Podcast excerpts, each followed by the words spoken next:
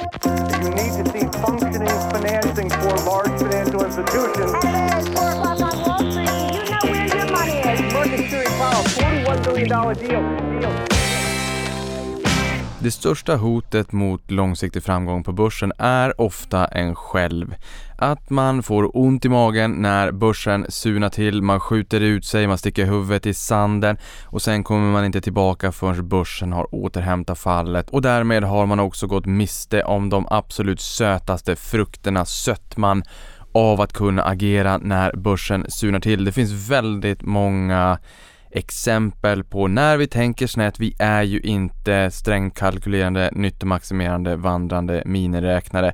Men det finns vissa knep för att försöka bättra på sannolikheten, möjligheterna till att faktiskt bli lyckosam långsiktigt. Inte minst genom att bli medveten kring de fallgroparna och de mentala fällorna som finns där ute.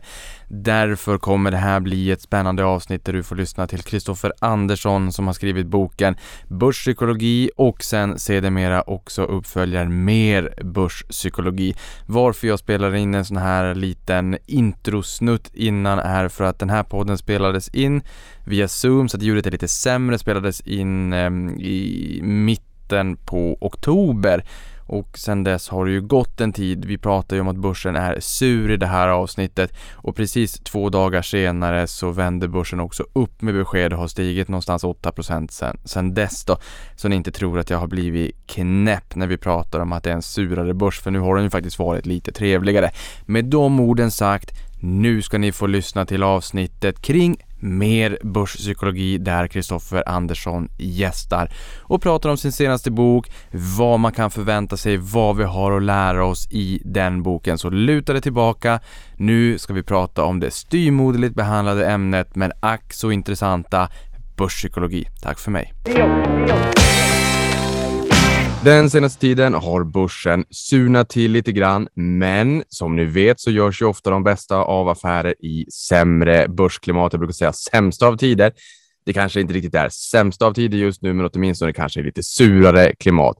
Långsiktigt tenderar ju faktiskt det största hotet mot framgång vara en själv. Den bästa investeringsfilosofin, det är oftast den man faktiskt följer och den som blir av och det största hotet är en själv att man får ont i magen och skjuter ut sig när det börjar surna till på börsen.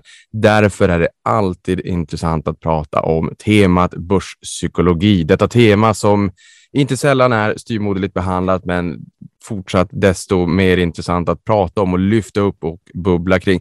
För en tid sedan så kunde ni lyssna till Kristoffer Andersson här i podden när han pratade om boken Börspsykologi nu har han precis släppt en ny bok, mer börspsykologi. Därför blir det ju såklart intressant att prata mer om det temat här i podden också. Så jag säger varmt välkommen tillbaka till podden, Kristoffer Andersson. Tack så mycket Niklas. Härligt att få gästa dig här igen.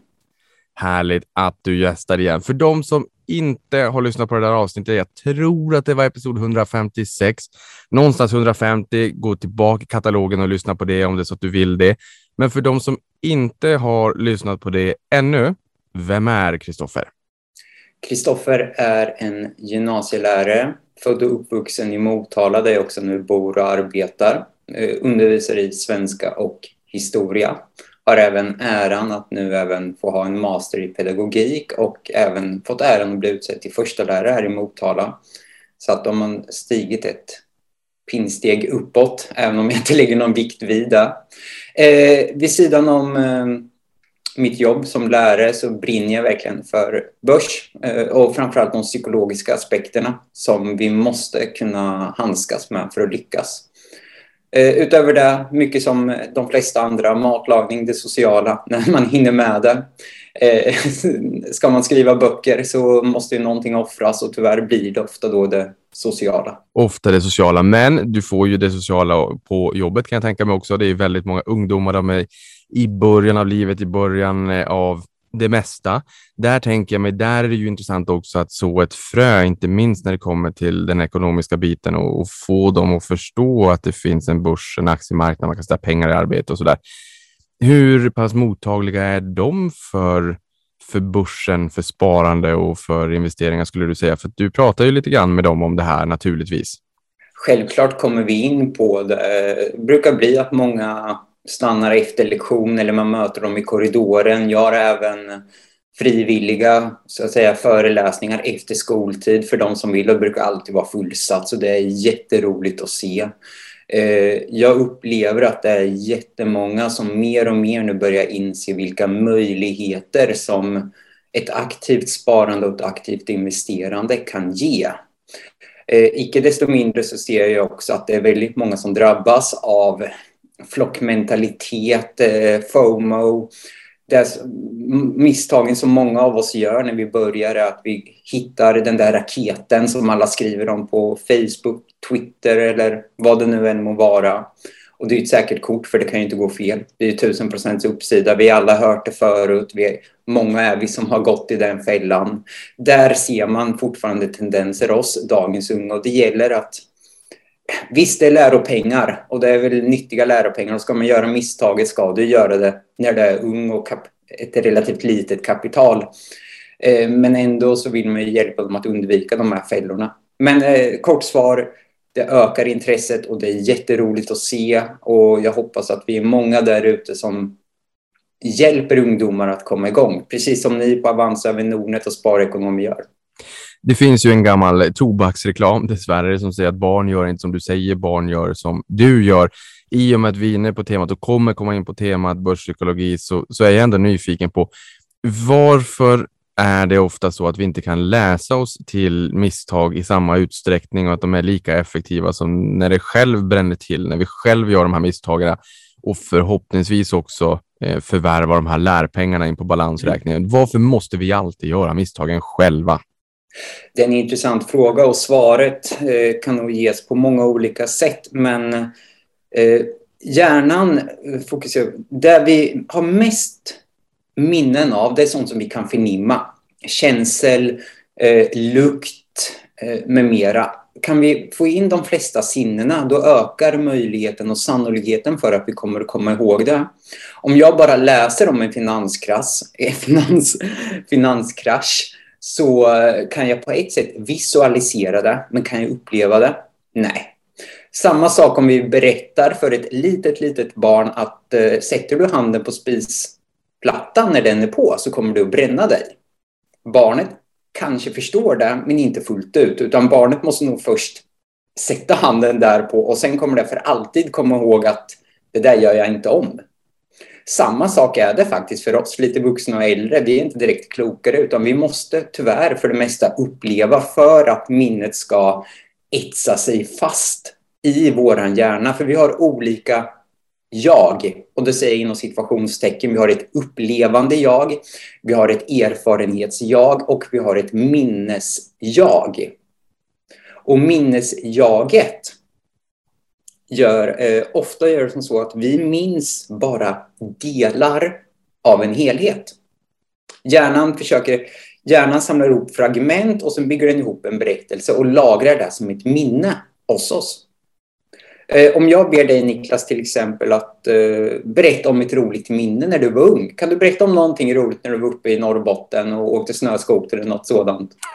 jag tänkte precis på skoter. Ja, men det kan jag ju. Jag har ju några stycken, men jag kommer inte ihåg allting. Jag kommer ihåg fragment, det som var, var roligast.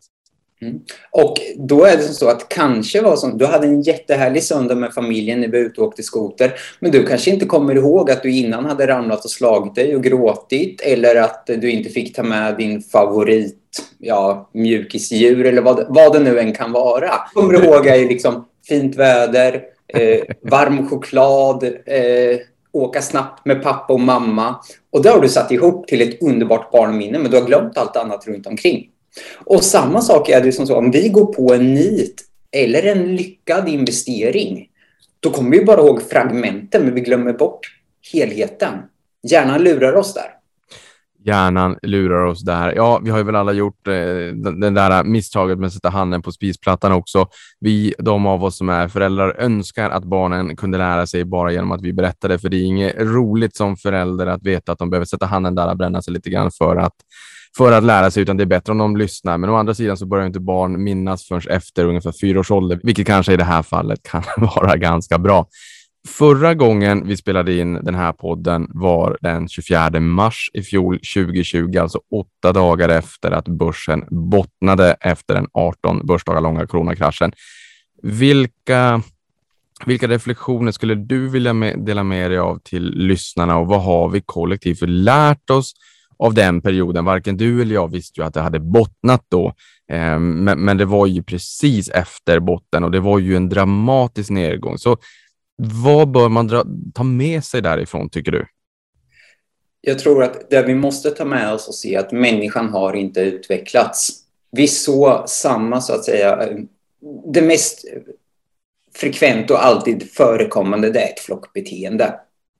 Vi, vi såg det finanskrisen 2008-2009, vi såg det i dotcom-bubblan 2000, vi såg det 87, vi såg det 1929 med mera. Några få börjar sälja, alla andra tar efter och sen så är vågen igång. Vi såg också samma flockmentalitet sen när det vände senare i mars. Och det är väl en av de historiska största uppgångarna någonsin. Niklas, jag har inte koll på siffrorna men jag misstänker att det måste vara en av de snabbaste uppgångarna någonsin. Det är en av de snabbaste uppgångarna någonsin. Det är också den snabbaste börskraschen någonsin med de 33,81 procent ner vi hade på 18 börsdagar. Så det var en, en mycket dramatisk nedgång också som vi aldrig någonsin har sett tidigare. Mm. Och jag tror att många hade köpt in sig för att alla andra hade köpt in sig och alltså att man följer flocken. Eh, både i uppgång och nedgång så känner man av fear of missing out. Den gäller både upp och nedgång. Det är alltid det där sista tåget som man tror ska gå. Och hur länge har vi haft en börs? Det slår väl 100, över 100 år i alla fall i USA. Och jag brukar alltid ställa den där lite smått eh, ironiska och retoriska frågan. Så det finns bara ett enda tåg kvar att gå på en börs som har funnits i hundra år. Det kommer alltså inte gå något mer tåg någonsin. Och då brukar folk skratta och säga eh, jo, det kommer du göra. Ja, så just därför har du råd. Sprid inköpen över tid. Vet vad du äger. Och hade du vetat vad du ägde och hade investerat i inom situation eh, stabila bolag med en okej, okay, sund eh, skuldsättning eller till och med en nettokassa. Positiva kassaflöden som över tid har visat sig kunna växa. Då hade du nog inte drabbats av lika stor panik i alla fall under coronadippen. Så lärdomen vi kan ta är att människan begår alltid samma misstag och säger sen att jag ska göra bättre. Men ofta brukar vi glömma bort att göra bättre så vi har en tendens att upprepa samma misstag sen igen. Och där är liksom minnet hur det är. Eh, att vi trodde att en pest eller ja, en sån här pandemi skulle kunna komma, det var ju som en chock. Men har folk glömt bort sars, smittkoppor, gula febern, digerdöden, den atenska pesten? Vi kan gå tillbaka ända till antiken och se att en pest kommer med relativt jämna mellanrum. Så det här var inget nytt. Nej, det är intressant, för jag tänker mig också den här äh, kraschen, jag menar, tar vi IT-kraschen så är det väldigt många som säger att den var eh, oerhört stor. Det var den också förvisso. Ehm, vi såg börsen falla 73 procent under 947 dagar, vilket är både väldigt mycket och en väldigt lång nedgång. Men vi hade en, en rejäl spekulationsfas eh, som ledde upp till toppen som, som sattes på börsen 7 mars 2000. Enorm uppgång under 90-talet, enorm uppgång under eh, 99 när börsen steg 71 procent. Så att där tenderar, tycker jag, tenderar man också att glömma vart man kommer ifrån någonstans.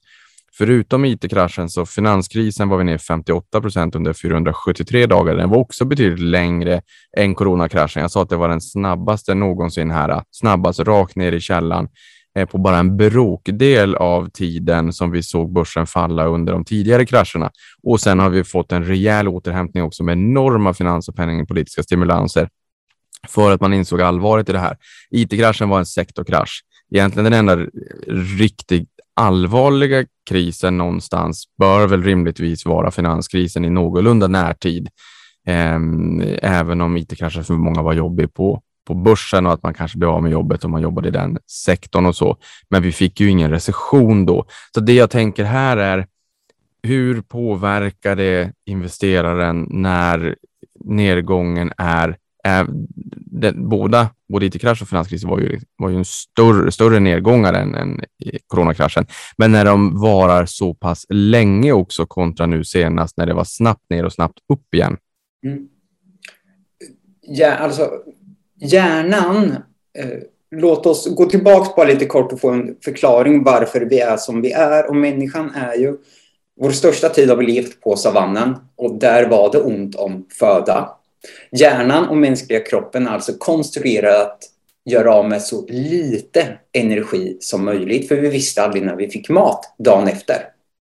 Idag har vi ICA var som helst. Vi kan ringa hem pizza on demand eller vad det nu, ja, vad det nu må vara. Vi har mat i överflöd. Idag är det ett problem. Eh, förr var det tvärtom. Det var ett problem att få mat. Eh, hjärnan är alltså konstruerad att hushålla på energin och göra av med så lite som möjligt. Obehag, ångest eh, eller när vi tränar med mera, det är obehag för kroppen. Det är jobbigt och det kostar energi. Det kostar alltså mer att stå emot och hålla emot de här jobbiga känslorna och tankarna som kommer i långa loppet orkar vi inte det. Hjärnan vill leva i ett sorts härligt ekvilibrium, alltså ett sorts nirvana. Det ska vara lätta beslut, det ska kosta minimalt. Eh, får hjärnan bestämma, då är det soffan, Netflix och Hemköp eh, med pizza och allting vad det är. Den behöver göra minimal ansträngning och den vet att den kommer att överleva, för det är våra primära drifter. Överleva. Fortplanta oss och överleva. Mänskliga rasen ska överleva. Om vi då tänker att vi tränar i en timme, Niklas, vi är rätt trötta efter det. Ja, jämför det kanske med en veckas nedgång. Vi tränar två timmar, ännu mer trötta.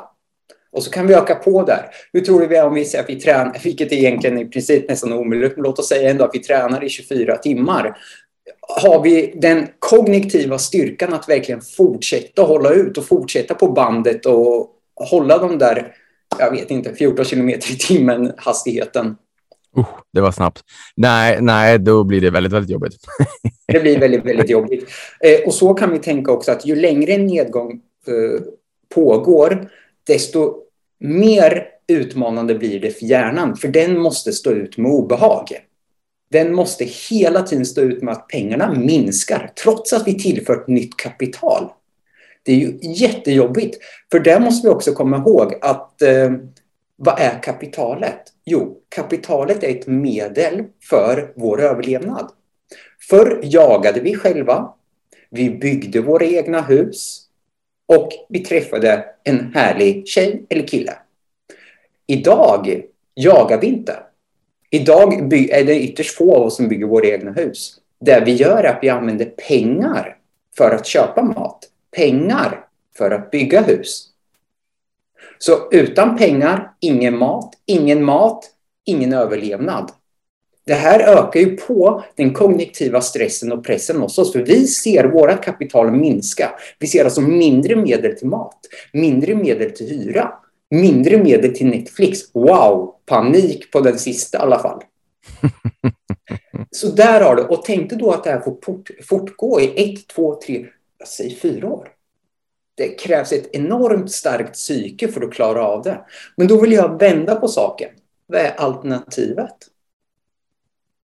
Om vi vet att över tid går börsen upp, då pratar vi om någonting som heter antifrigalitet. Eh, och det är ett begrepp från, om nu står det helt stilla, eh, Taleb har jag för mig det som mynte. Jag kan ha fel där, men jag har för mig det, Nicolas Taleb. Och det går att jämföra egentligen med träning. Vi går till gymmet, eller om vi gör det utomhus, gör styrketräning. Och vad är det vi gör då, Niklas? Jo, vi bryter ner våra muskler. Det är ju destruktivt. Men tillåter vi oss sen att vila, äta, träna, vila, äta, träna. Då betyder det att musklerna kommer att byggas upp och vara starkare och starkare och starkare.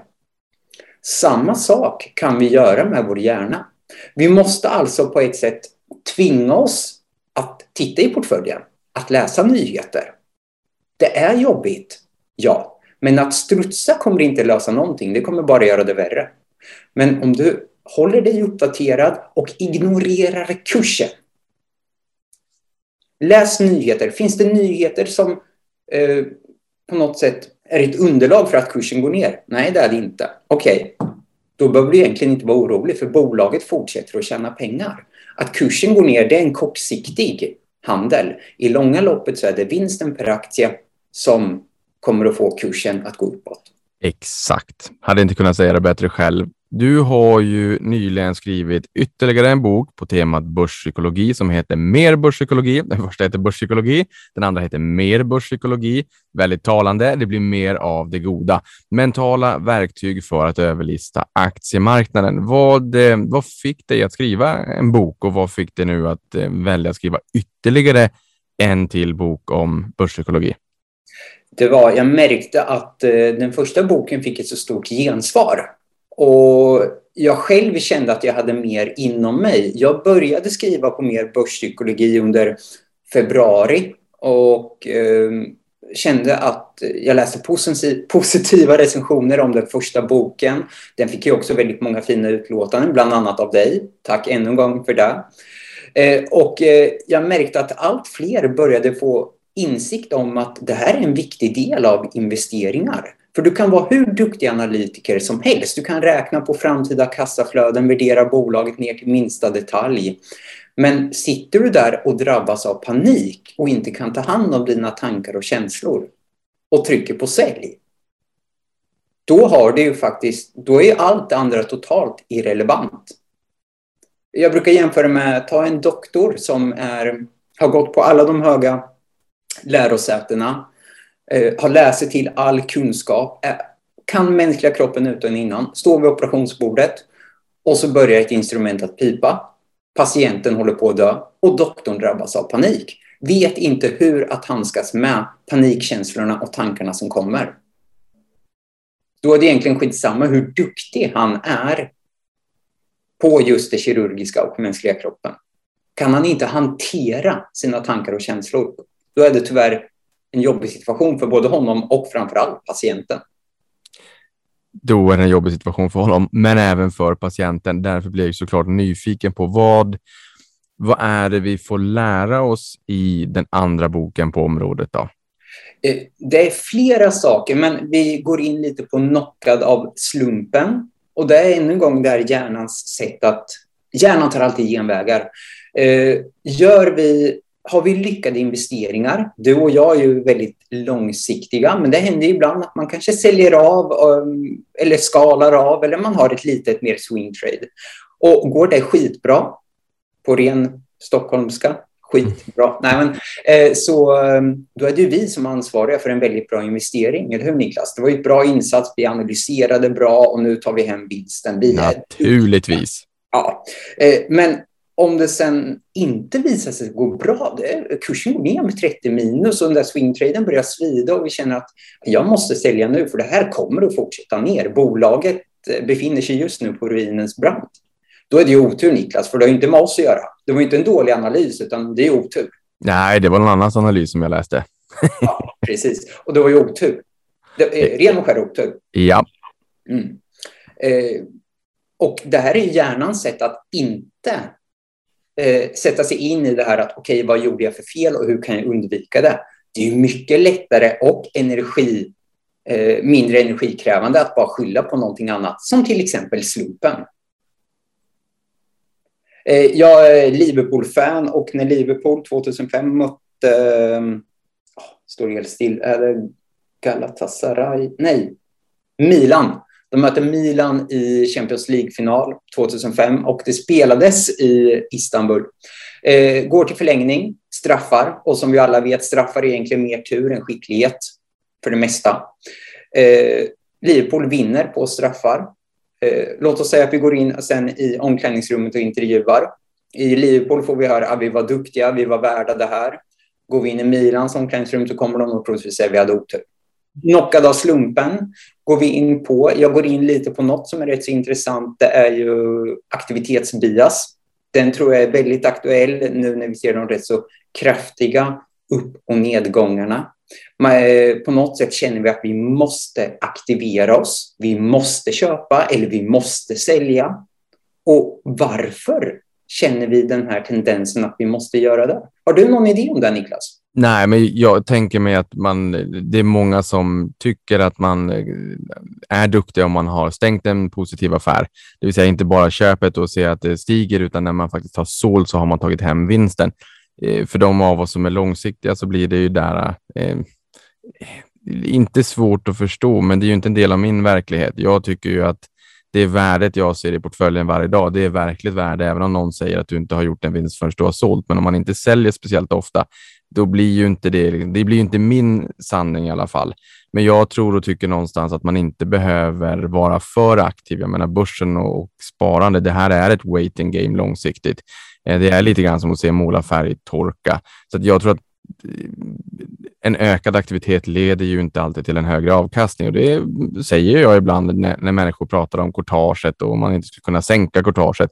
Nu är courtaget extremt lågt i ett historiskt perspektiv, men just det där att man, ehm, man inte alltid ska förvänta sig en högre avkastning, ett bättre, liksom ett alfa bara för att man har en högre aktivitet.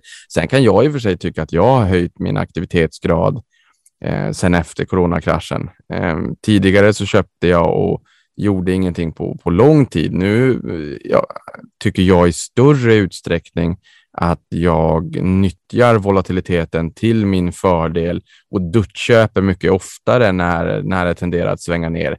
Tyckte det var jobbigt här tidigare i år när börsen var upp mycket. Eh, och ska man säga att i, i ett historiskt perspektiv så är inte börsen upp jättemycket. Även om det är ganska imponerande uppgång vi har sett i år. Men det är inte unikt i ett historiskt perspektiv på något sätt. Ehm, Får jag Sen... fråga, ursäkta att jag avbryter, men du säger att det var, är lite jobbigt att köpa när börsen hade gått upp. Uh, vad, är det, vad kommer det jobbiga ifrån? Vad, är det att du sätter det relativt till någonting tidigare börsnivå eller relativt till att det har gått upp snabbt och väldigt kraftigt? Uh, har du utvecklat dina tankar kring det där? Har du utmanat dem? Jag tror att det beror på båda de där faktorerna som du tog upp och jag tänker mig någonstans att det är jobbigt att jaga aktier på ovansidan. Eh, och jag menar någonstans så eh, börsen och bolagen inte minst, de visar ju korten en gång i kvartalet och allt som händer mellan kvartalet är ju, bygger ju liksom på den samlade bedömningen på marknaden. Det kan vara makrofaktorer, eller det kan vara konkurrenter, det kan vara rykten, det kan vara förväntningar. Eh, och sen så får man liksom, de får materialiseras och sättas i relation till bolagets prestation en gång i kvartalet när vi faktiskt får se riktiga siffror. Och det är klart att om en aktie har gått från 100 kronor till 200 kronor, men det vinsten har gått från 10 till 21, ja, då har ju värderingen faktiskt fallit.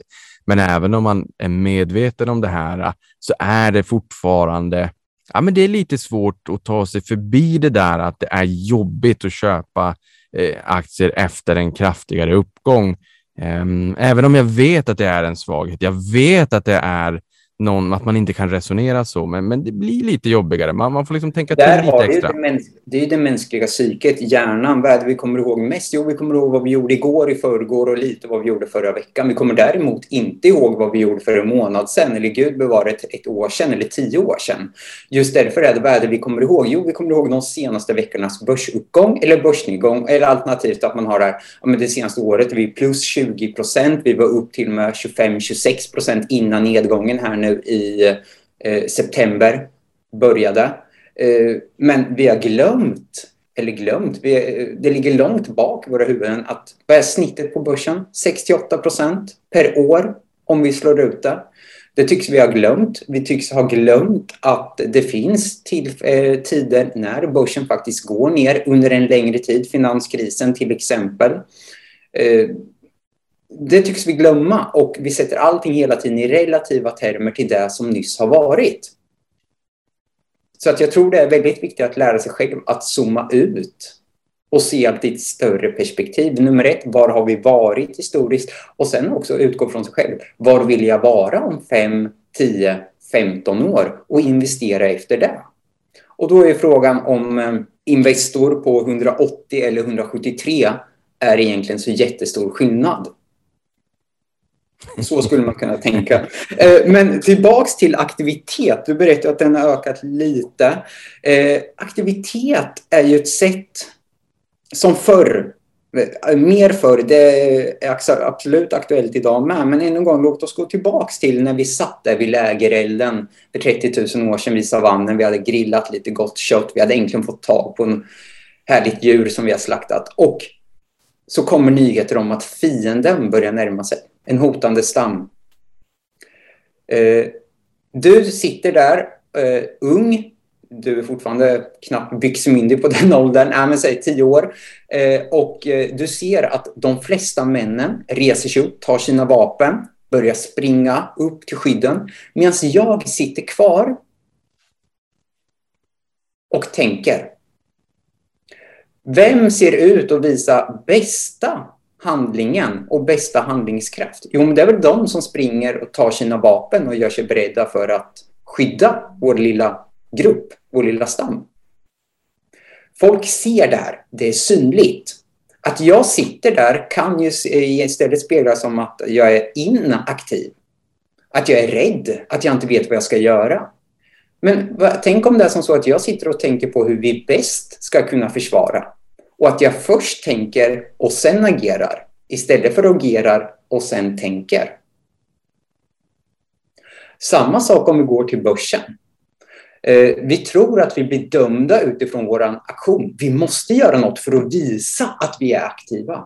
Men då kommer min fråga, är det inte ett aktivt beslut att säga att jag varken köper eller säljer, utan jag sitter bara still? Det är ju faktiskt ett beslut. Det är ju en aktivitet.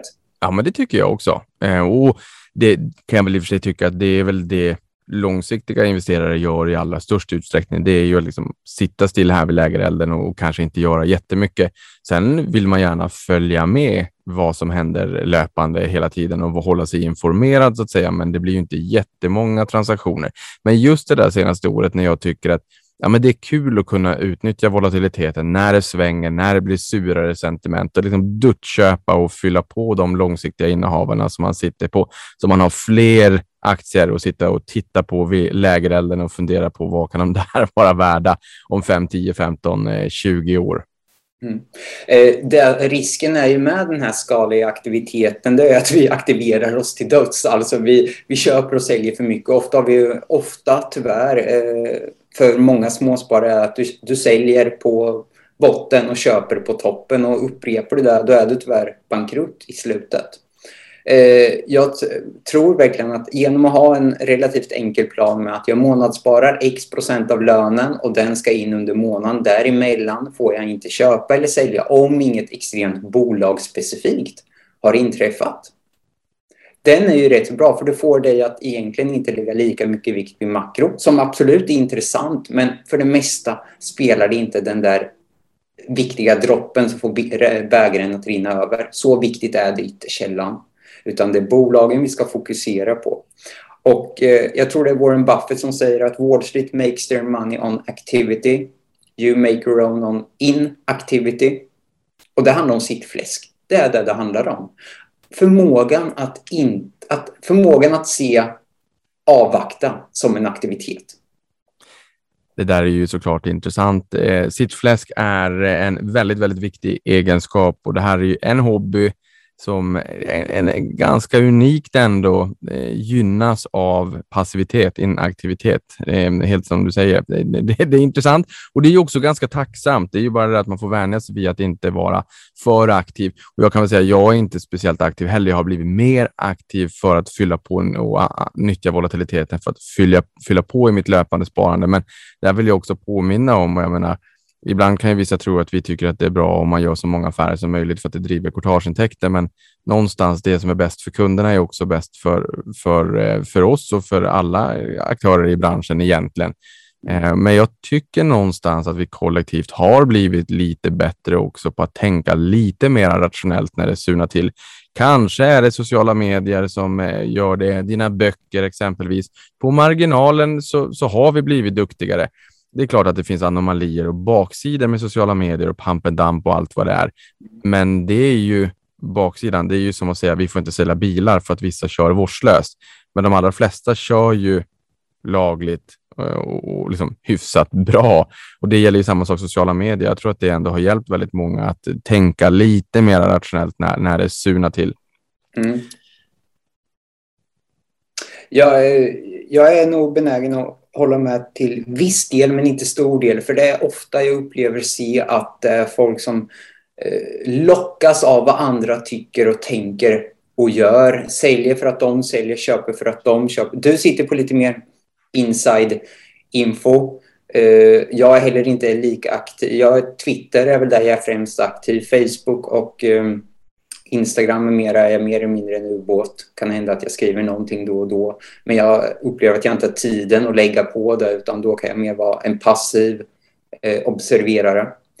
Eh, men jag tror fortfarande att det är en väldigt stor eh, fara för att man drabbas av flockbeteende men framförallt också av ackumulationsstress på de sociala medierna. Man ser att Niklas han är långsiktig, han gör det. Jag vill vara lite som Niklas, men jag ser också eh, person B där borta som en daytrader. Han är skitduktig, så jag vill ha hans egenskaper också. Person C där borta, hon är ju fantastisk swingtrader och får inte glömma person D som är grym på kryptovalutor. Men jag vill ha nog lite av allihopa. Och så har vi byggt upp vår egen Frankensteins monster.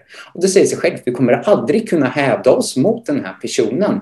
Och det slutar med att vi försöker göra lite av allting och tyvärr blir det pannkaka. Och pannkaka kan vara gott. Det kan vara gott. Men du sätter dig själv i en väldigt svår situation här nu. Så att ännu en gång, vet vad du äger och läs och följ andra, absolut. Men du måste inte, följa, du måste inte göra som de gör.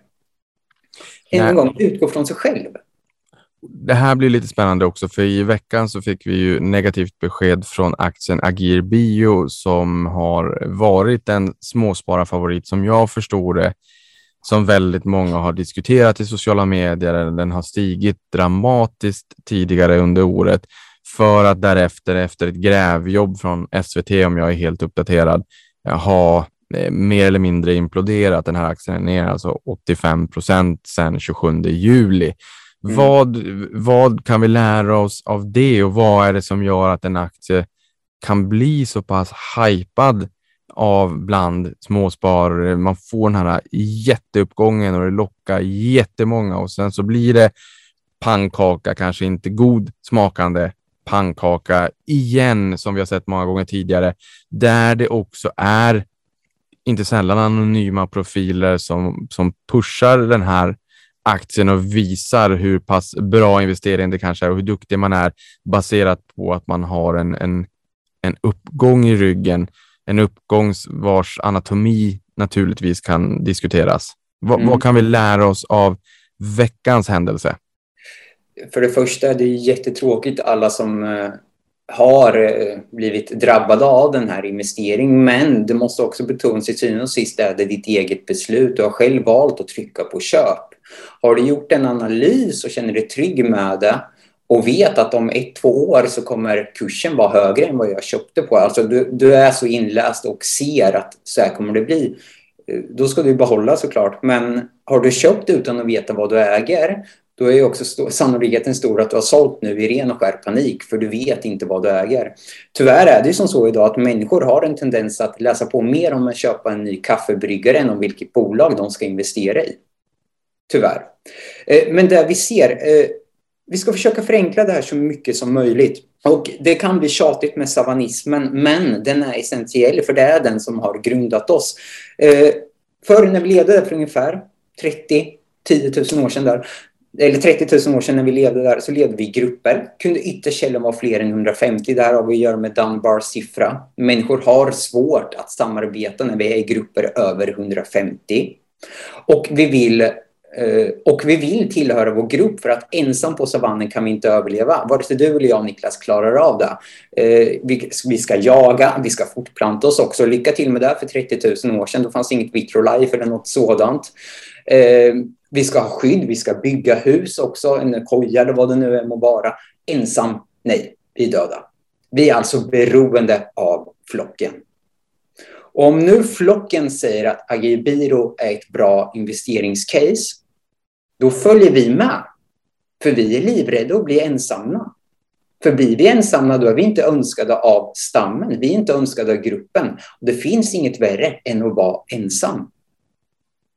Och samma sak när alla börjar sälja. Då är det ännu en gång gruppen, stammen, som säljer. Och står vi kvar, då är vi ensamma och då kan vi inte överleva. Och pengar är ju lika med överlevnad, så när vi ser vårt minskade värde och vi ser att alla andra säljer, då drabbas vi av en panik. Så det är den här savanismen och hur vi är funtade. Eh, flockbeteende kan vi se om vi går ut och käkar nu när vi äntligen får gå ut och käka på restauranger. Eh, låt säga att jag åker upp och besöker dig Niklas i Stockholm. Eh, jag gillar en restaurang som heter Taboli, ligger på Söder, fantastiskt. Där fick vi en gratisreklam för dem också. Eh, men säg att vi är ute och går och vi stannar och ska käka på en restaurang. Vi har och Den finns, på den finns på Regeringsgatan också kan jag säga. Den är bara några hundra meter från mig. Ja, Libanesiskt. testa det om du inte gjort. Det är jättegod libanesisk mat där. Men till vänster har vi en jättefin re- eh, italiensk restaurang, fullsatt. Fullsatt. Eh, Till höger så har vi en jättefin fransk restaurang, men där sitter knappt en enda. Vart tror du och jag vill gå och äta? Vi vill vara med eh, flocken. Precis, för de måste ju veta någonting som vi inte vet. Och de kommer ju titta på oss med misstänkta ögon om vi går in här på den franska restaurangen. Samma sak ser vi i börshandel också. Vi har en tendens att följa flocken. För att historiskt har vi varit beroende av den. Vi har inte kunnat överleva utan flocken. Men här kommer en newsflash for you. Vi klarar oss faktiskt rätt så bra utan flocken. Eh, så där har du lite. Vi får in den skadliga aktiviteten också i Agilbyrå. Många aktiverar sig trots att de kanske egentligen inte behöver. Du säljer när det är som bäst eller du köper när det är som bäst. Bara för att folk säger det. Eh, jag tror också att många nu har svårt att sälja trots att de inser att loppet är kört. Jag säger inte att det är det, för jag är inte inläst, men om du är det. Det är att vi, vi har känslor till innehavet och vi har känslor till pengar. Det här kallas för the endowment effekt.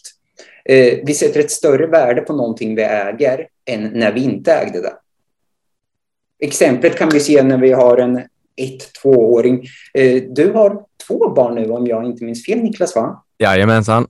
Ja. Eh, hur gamla är de? Kan det vara tre, fyra och två? Ja, precis. Två och fyra. Två, fyra. Ja, jag vet inte, är det snuttefilt som är aktuellt hos tvååringen? Hos båda. Hos båda. Mm. Eh, vad kostar en sån? 50 kronor? Nej, de, eh, vi köpte till min första dotter 2017 så köpte vi den. Redan på BB gick de att köpa och jag tror att den gick loss på eh, säg en 120 kronor. Oj, ja. oj. Ja. Eh, Det, är en, det vi lägger mycket pengar på, husdjur och barn och säljarna vet om det här. Eh, Kristoffer, mycket som har med barn att göra drar iväg väldigt fort. Man får hålla hit. Ja, eh, ja, jag gläds verkligen med att få bli pappa. Även jag har en dröm och önskan om att bli, att bilda en familj. Så eh, all lycka till er. Men det jag vill komma till att 120 kronor, okej, det är inte så mycket pengar. Men om vi nu skulle börja säga att om ni anser att snuttefilten behöver bytas ut, den är verkligen utsliten. Och så ska ni ge en ny snuttefilt så tror jag ni har svårt att byta ut den här hos era två barn. För de har fäst sig så mycket vid de här. De har enorma känslor till det. Köper du det? Oh, ja. Mm. Det ska nog krävas ett riktigt överpris för att de kan tänka sig att byta ut det här, eller hur? Ja, eh, om ens möjligt då, ja. Om ens möjligt. Och samma sak på börsen. Låt oss säga att vi har investerat i H&M och vi köpte in oss 2015 i klass på toppen, 350 kronor och idag är vi nere och halva på 167. Eh, nej, men den, dels får vi förankringseffekten, vi ankrar fast oss vid en tidigare kurs och så börjar vi tänka, men jag har ju haft dem så länge och det tar emot nu liksom för att åh, jag har ju ägt dem så länge, det är mina, jag äger dem, jag vill kunna... Nej, eh, 300, det kan jag sälja på. Det är, vad de, det är de minst värda. Det är de minst värda. Medan du köper den, står där, men 167. Det är vad jag är beredd att betala. En känslomässigt engagemang skadar. Men aktier är inga känslor för oss. Precis som en snuttefilt inte har känslor för dina barn. Och jag, menar, jag älskar min kaffemaskin, men min kaffemaskin skiter ju fullständigt i ifall det är tant Agata eller Kristoffer som trycker på start. Den kommer ju fungera i vilket fall som helst. Ja, men hur gör man här då? Aktier, aktierna du har i portföljen, som du säger, vet ju inte om att du äger dem. Så hur gör vi för att försöka pulverisera den här förankringen, det här känslomässiga bandet vi har då? Eh, vi måste för det första inse att vi är känslovarelser. Mm, eh, känslor kan vi inte fly och känslor har ofta och kommer att fortsätta vara oss till godo när vi vet hur att förhålla oss till dem. Vi kan inte kontrollera hur vi tänker, vi kan inte kontrollera hur vi känner, för då skulle alla gå runt som vi gick på Prozac. Ja, men idag ska jag känna mig lycklig, Fy fan vad nice det är, och sen går vi runt. Utan vi kan inte bestämma vad som kommer till oss, men vi kan bestämma oss hur vi förhåller oss till dem. Och just i investeringscase så måste vi gå ner. Vi måste läsa på balansräkningen. Eh, börsdata eller årsredovisningar, kvartalsrapporter, vad säger vd? Där har du fundamentet till aktien som är ett derivat av bolaget. Vad du tycker eller eh, vad du känner är irrelevant. Det är irrelevant. Om du har köpt ett bolag Eh, på 350 som H&M där bruttomarginalen sen går från vadå, 53-54 till att komma ner på 46. Vinsten minskar, kassaflödet minskar. Eh, nettokassan uppgår till att bli en nettoskuld istället. Ja, saker har ju ändrats då, så då är det egentligen skitsamma att du tycker att det borde värderas högre. Så eh, här är det viktigt att vara brutalt ärlig mot sig själv. Och det kan låta hemskt när man använder ordet brutal. Men brutal ärlighet är ju ofta det bästa. Mm. Jag gör ju dig en tjänst om jag säger Niklas och agerar din djävulsadvokat och säger men har du tänkt på det här och det här och det här? Jag gör dig inte en tjänst och slår dig i ryggen och säger att du har helt rätt, självklart. Eh. Så känslor, vi kan inte kontrollera dem. Tankar, vi kan inte kontrollera dem. Men vi kan kontrollera hur vi förhåller oss till dem. Jag kan känna panik, men jag måste inte agera i panik. Nej, men det är, väl, det är väl ett bra medskick. Man kan känna panik om börsen sunar till rejält och det kommer de här enorma åskmolnen, men man behöver inte agera i panik. Eh, intressant eh, take på det hela tycker jag. I och vi ser det ju om vi, med att ta, du och jag, vi går ännu en gång, vad vi går ut och går du och jag Niklas. Men nu har vi ätit på restaurangen så vi spatserar igenom på Stockholm och vi kommer in och vi ser en eh, rea och du hittar en jättefin t-shirt och känner att ehm, eh, eh, tankarna, känslorna kommer, den måste jag ha, den måste jag ha, den måste jag ha. Eh, och du köper i affekt. Sen kommer du hem och inser att du har 53 stycken t-shirtar som inte är använda som hänger i din garderob. Du var inte tvungen att gå efter känslorna och tankarna. Hade du tagit dig tid, stanna upp, aktiverat system 2, tänkt lite rationellt, har jag behov av t-shirten? Hur många t-shirtar har jag hemma? Det är snart jul, jag kanske ska önska mig en t-shirt i julklapp. Med mera. Så ja, det, det finns överallt den här. Där kan vi också notera att fylleshopping tydligen är ett väldigt stort fenomen. Jag har aldrig riktigt förstått det, men alltså när man eh, inte är i sina sinnesfulla bruk, eller hur man nu ska säga, eh, att man sätter sig och kanske då e-handlar shoppar väldigt mycket. Det här är en miljardindustri som jag har förstått eh, och som jag aldrig har tänkt på, utan jag såg det här någonstans i förbifarten i någon artikel för något år sedan. Eh, och därefter så har jag liksom funderat lite grann kring det här. Det, det är en stor marknad i alla fall. Inte ens då eh, behöver man handla, utan man kan ta en kvällsmacka och sen kan man gå och lägga sig. I boken så pratar du om Ikea-effekten också. Ja, den. Eh, vad innebär den och hur stöter vi på den i vårt sparande? IKEA-effekten är ju en riktigt fascinerande modell att använda sig av. Eh, och eh, vi har här, låt oss säga att vi har Lisa, jätteduktig på att eh, analysera industribolag. Hon vet exakt hur att analysera eh, och hon kan marknaden, hon kan sektorn, hon kan segmentet. Hon vet också vilka makrosiffror som är viktiga. Hon har också lärt känna många av vdarna genom att läsa deras årsbrev år in och år ut och etc. etc. Eh, hon har sin analysmodell, sina punkter. Hon vet exakt vad hon ska leta efter. Och sen helt plötsligt så får hon höra talas om ett bolag som ja, kanske heter um, Palantir eller eh, Pinterest eller eh, Amazon eh, och börjar analysera dem och har svårt att förstå vad, vad är det som gör att de här förtjänar så hög värdering? Vad är det som gör att de egentligen får in sina pengar? Jag ser inte deras vallgrav. Jag ser inte vad deras fysiska um, produkter är. Det hon gör är att hon ehm, värderar utifrån en mall som inte fungerar på andra mallar.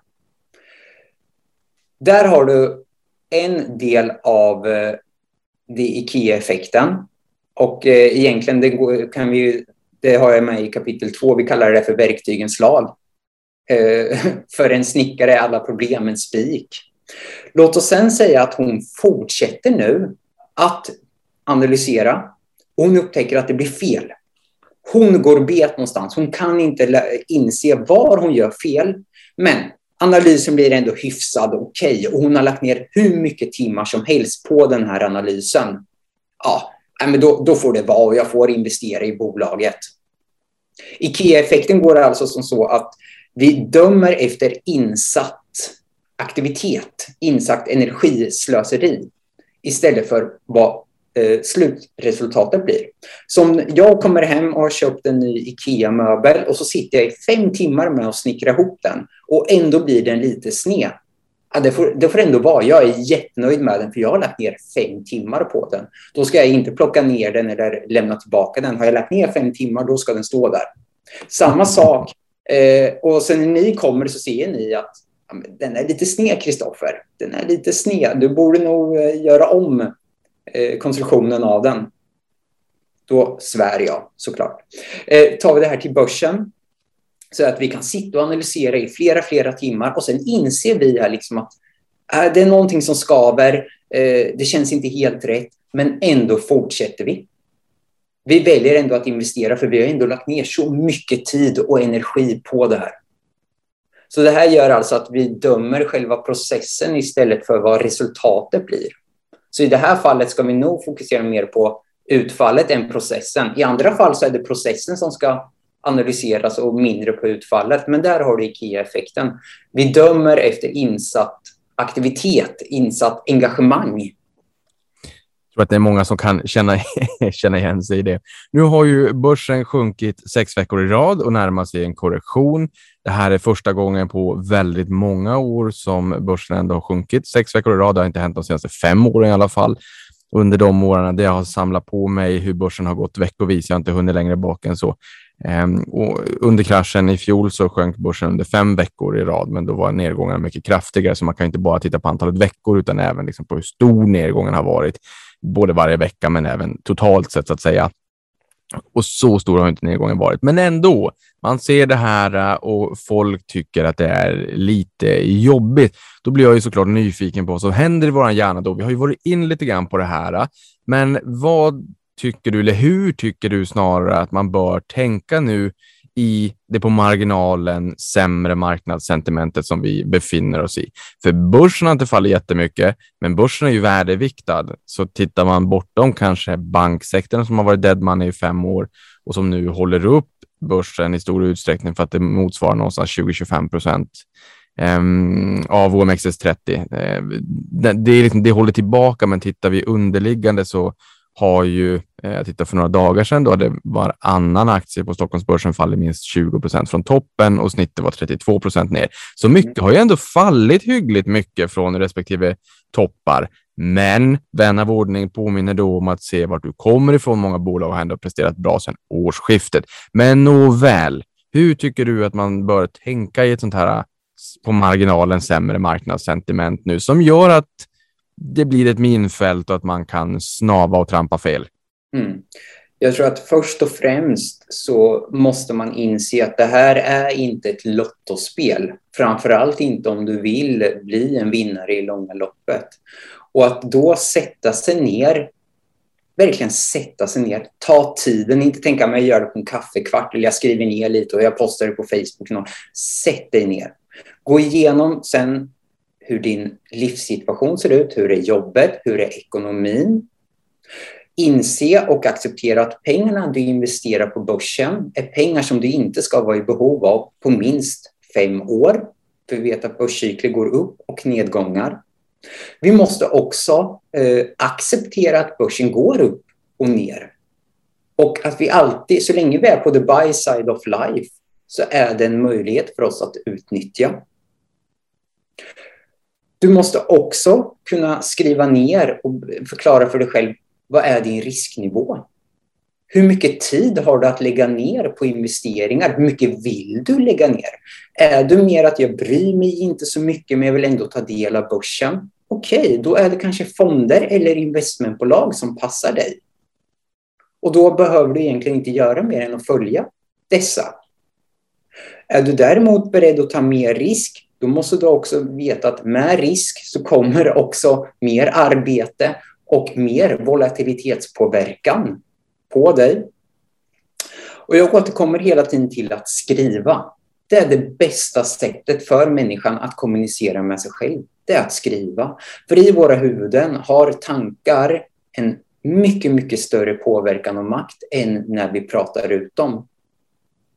Så att skriv för en journal. Varför investerar du i det här bolaget? Och då tvingas du skriva ner och argumentera för det. Och kan inte du argumentera för varför du ska äga bolaget, ja då ska du väl inte äga bolaget. Och om ditt argument är för att Niklas äger det, då bör du nog tänka om. För då vet ju inte du att om nu börsen kraschar, du kommer aldrig veta om Niklas har sålt eller om han har ökat.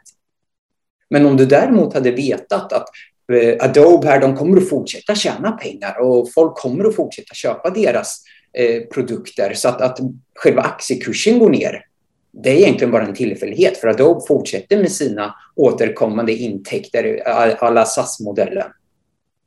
Så att skriva ner varför man investerar i det, följ upp när rapporterna kommer och se på caset på ett nytt sätt utifrån de nya siffrorna som finns.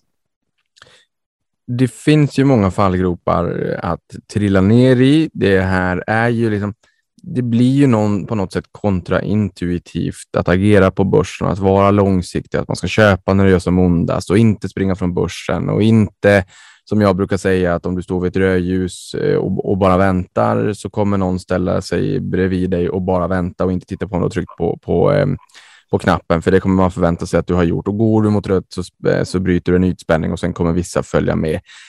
Det, det finns många fallgropar, men vilka tycker du är svårast att överlista i resan mot att bli en bättre investerare? Alltså vilka är naturligt, mänskligt eh, svårast att liksom knäcka.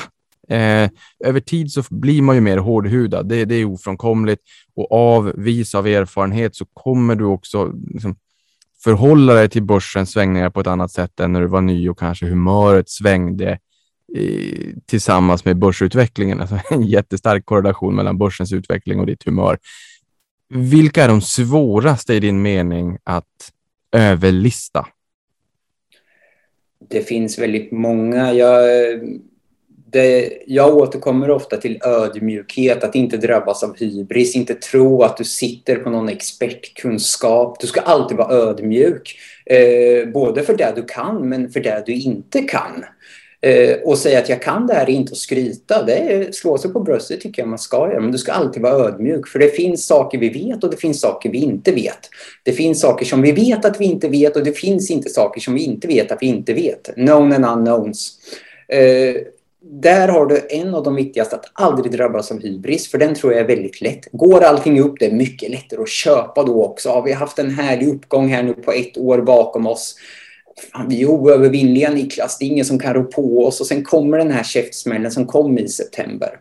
Eh, jag tror också att eh, förmågan att föreställa sig, som är baserad på en kort historik. Vi har svårt att föreställa oss eh, vad de hinder som egentligen finns. Vi är väldigt låsta av här och nu. Vi är låsta av vårt arv, vår miljö och vår kultur det var inte många som kunde föreställa sig att Kina nu med Xi Jinping skulle mer eller mindre bannlysa tv-spel, att man bara får spela tre timmar i veckan och då är det på helgerna. Men vem kunde egentligen föreställa sig detta? Men det hände. Vem kunde föreställa sig en pandemi av den här stora skalan? Ytterst få. Men sannolikheten fanns där.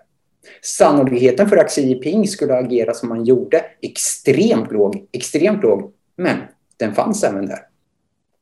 Så undvik hybris, acceptera att det finns saker du inte kan föreställa dig och ta position för dem. Liksom, köp aldrig för mer än du har råd att förlora. Köp aldrig, eller investera aldrig för mer än vad du är bekväm med. Med mera. Där har du en av de fallgroparna. Ja, även jag tror att aktivitetsbias är en av de vanligaste också. För vi vill hela tiden aktivera oss. För att det är aktivitet som har gjort att vi får tillhöra flocken. Du, du får inte vara med i flocken om du sitter stilla där när vi blir attackerade, Niklas. Vad, vad har vi för nytta av dig? Aktivera dig lite. Men kanske är det som så att din aktivitet att sitta och tänka och komma på det bästa försvaret är det långsiktigt bästa. Men vi måste agera oss där, nu, här och då.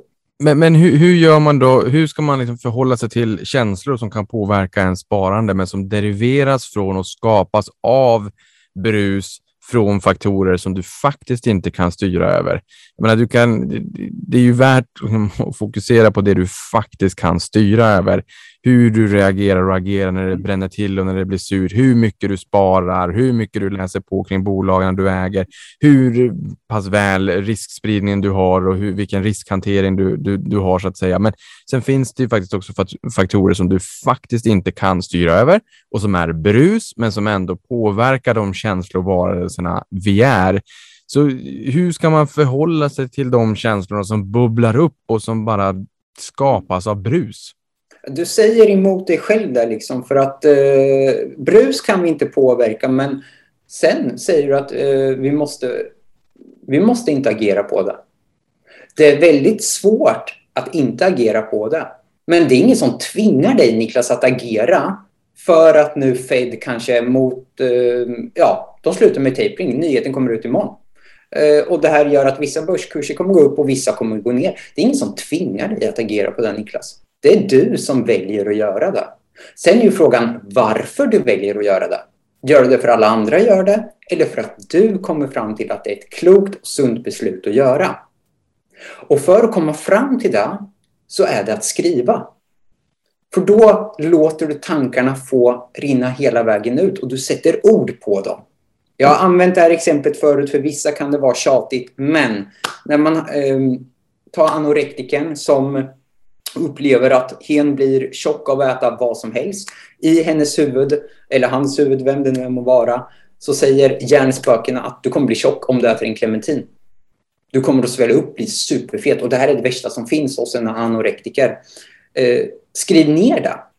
Och den här personen skriver ner det. Jag blir tjock om jag äter en clementin. Personen i fråga ser hur skrattretande det är. Och nu ämnar jag inte att göra narr av det här, för jag har haft en vän som lidit av det. Det är hemskt. Men i hennes huvud världens makt. När hon skrev ner det inser hon hur banalt det egentligen är. Så jag tror verkligen mycket på att skriva och även prata och ta hjälp av andra. Eh, sök upp och finn djävulsadvokater, sådana som har som uppgift att ifrågasätta dig, kritisera, komma med motargument som du ska bemöta. Investeringar är ju en av få hobbys där passivitet kan vara av godo. Det här är ju ett waiting game. Vi har pratat om det här tidigare under avsnittet, men ändå så jämför vi oss mot börsen och andra investerare löpande. Eh, naturligtvis, det här gör man ju väldigt mycket, kanske inte minst i sociala medier där man diskuterar och stöter och blöter idéer och också jämför avkastning. Det är ju väldigt många som, eh, som gör det naturligtvis. Hur nyttigt är det här egentligen och, och hur tror du att det påverkar vårt beslutsfattande? Det påverkar nog mer än vad vi är beredda att eh, erkänna.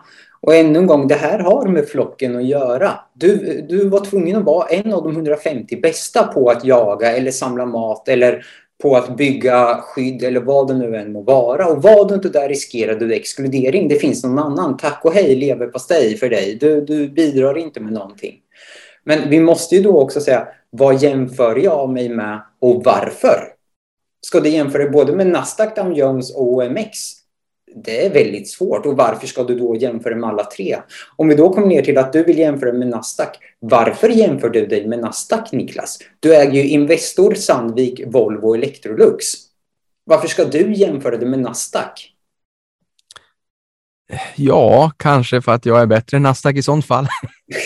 ja, ja, så det är viktigt att veta vem och vad du jämför det med och varför du gör det. Och sen kommer frågan också, varför ska man jämföra sig med någonting? Egentligen kan du göra det som så här. Det finns två alternativ du kan jämföra med. Nummer ett är mot en passiv indexfond. Det här är vad du hade fått om du varit extremt passiv.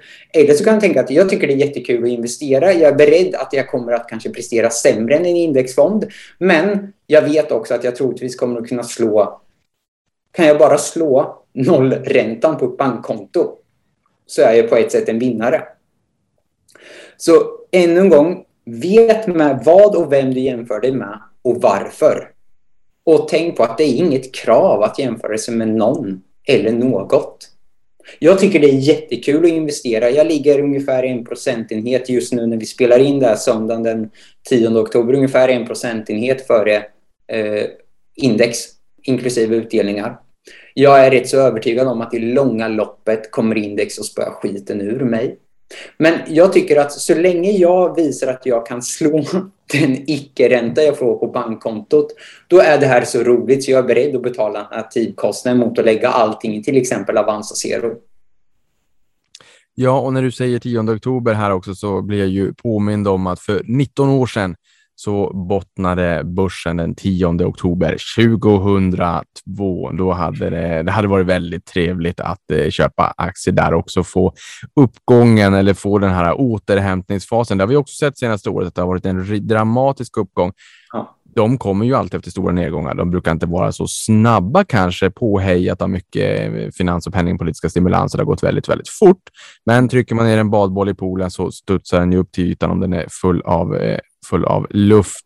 Det här är ju också kanske bra att komma ihåg ifall man eh, ser i framtiden. Vi alla kommer ju få vara med om någon eller några större nedgångar, men också att komma ihåg då efter regn kommer ju solsken. Men för att bli lyckosam långsiktigt när det kommer till investeringar så är det väldigt viktigt att eh, tror jag, har en förståelse för börspsykologi, har varit med om ett, ett gäng nedgångar, veta hur man reagerar och hur man sedan agerar. Kanske som mig ha en mental bokföring mellan, mellan löpande ekonomi och pengar och portföljen, kapital långsiktigt och, och inte blanda dem sinsemellan. Kanske till och med ha en, en buffert som ett eh, effektivt vaccin mot att om du ser portföljen falla istället för att tänka vad hade jag kunnat göra med pengarna om jag bara hade sålt dina nedgången. Jag hade kunnat köpa en cykel eller åka jorden runt eller göra det ena eller det andra. Jag vill du göra det? Varsågod, ta pengar från buffertkontot, även om nu bufferten kanske är för oförutsedda utgifter. Kalla det målsparande eller vad du vill. Kunna ha den där liksom, separeringen i ekonomin tycker jag är en väldigt, väldigt viktig framgångsfaktor för att klara det mentalt. Börspsykologi är intressant, men det är och har ofta varit styvmoderligt behandlat. Ehm, har du någon spaning på varför vi inte lägger och har lagt mera vikt på börspsykologi? Uh, jag tror att en sak har varit att, uh, ännu en gång, människan vill ha det enkelt. Min, ju mindre energikrävande, desto bättre. Och det är jobbigt att utmana sig själv. Det är jobbigt att vara ärlig mot sig själv. Att säga att jag är inte bra på det här. Det är skitjobbigt. Det är jättejobbigt att analysera sina brister och tidigare misstag. För att det krävs att vi måste förändra på oss och hjärnan vill inte förändra på sig för det kostar energi. Och den lever fortfarande kvar på tiden när den, in, när den visste att den inte kunde få mat för dagen ibland. Men idag kan vi få det. Så jag tror att börspsykologi, det kräver sin del av individen, men herregud vilken avkastning du får. Och jag säger det till alla, den bästa investeringen du kan göra, det är att investera i dig själv. För vet du själv hur du agerar och varför du agerar, då kan du också ändra på det. Och kan du bli en som har kontroll över hur du agerar utifrån olika förutsättningar, då kommer det öka sannolikheten att du inte köper de där tre kexchokladen vid snabbkassan på Maxi trots att du har lovat att hålla dig till BIS 2022. Det kommer eh, leda till att du inte lockas att köpa den senaste aktieraketen på valfritt socialt medium. Den kommer att hjälpa dig att vara på the buy side istället för sell side när börsen kraschar och du vet vad du äger. Den kommer att hjälpa dig att ta fram mentala modeller och verktyg att skapa dig ett lugnare och tryggare liv. Och då pratar vi inte bara på investeringar, utan det är egentligen hela livet som sig. Läs, skriv, diskutera och repetera det här. Fortsätter du med det så kan jag garantera att du kommer att ha en mycket bättre avkastning än när du liksom hoppar sinsemellan mellan olika och tar rygg på vem som helst. Och sista frågan då på, på det temat, naturligtvis spännande. Hur sparar du själv just nu? Det är en passande bra fråga. Eh, jag eh, investerar och jag avsätter en stor del av den nettolön jag får från mitt eh, härliga jobb som lärare. Eh, största innehaven är investmentbolag, både nationella och internationella. Och det är där jag placerar den största delen av mina sparpengar och jag investerar väldigt, väldigt långsiktigt. Eh, jag ser nedgångarna nu som tacksamma köptillfällen, men jag har ännu inte aktiverat krigskassan. Det ska gå ner lite mer för att jag ska ta lite av den buffert jag sparat för de här lite mer kraftigare nedgångarna. Men jag är inte orolig. Jag känner mina bolag, jag kan dem. Det är också vanligt att bolag då och då får utmaningar, precis som vi i livet. Livet är ingen spikrak resa där vi går liksom walking on sunshine. Ibland blir vi sjuka, Niklas. Ibland drabbas vi av ett armbrott. Ibland kanske vi tyvärr förlorar jobbet. Men det hör till. Och ofta har vi en förmåga att resa på oss, precis som bolagen har. Så jag fortsätter att köpa. Jag har inte sålt någonting. Jag har inte omallokerat än så länge. Så jag känner mig väldigt trygg och jag sover också väldigt gott om natten. Det låter bra, Kristoffer. Du sover dessutom väldigt gott om natten. Det är väldigt viktigt. En god dags börsanalys börjar med en god natts sömn. Fantastiskt roligt. Stort tack för att du kom tillbaka till podden ett år senare. Då coronakrasch, nu surare börssentiment. Tack för att du kom hit och berättade mer om börsekologi, men även om din andra bok som du precis har släppt. Tusen tack för det. Tack att jag fick gästa Niklas och jag önskar dig en trevlig dag nu. Stort tack detsamma och tack för att du lyssnade på det här.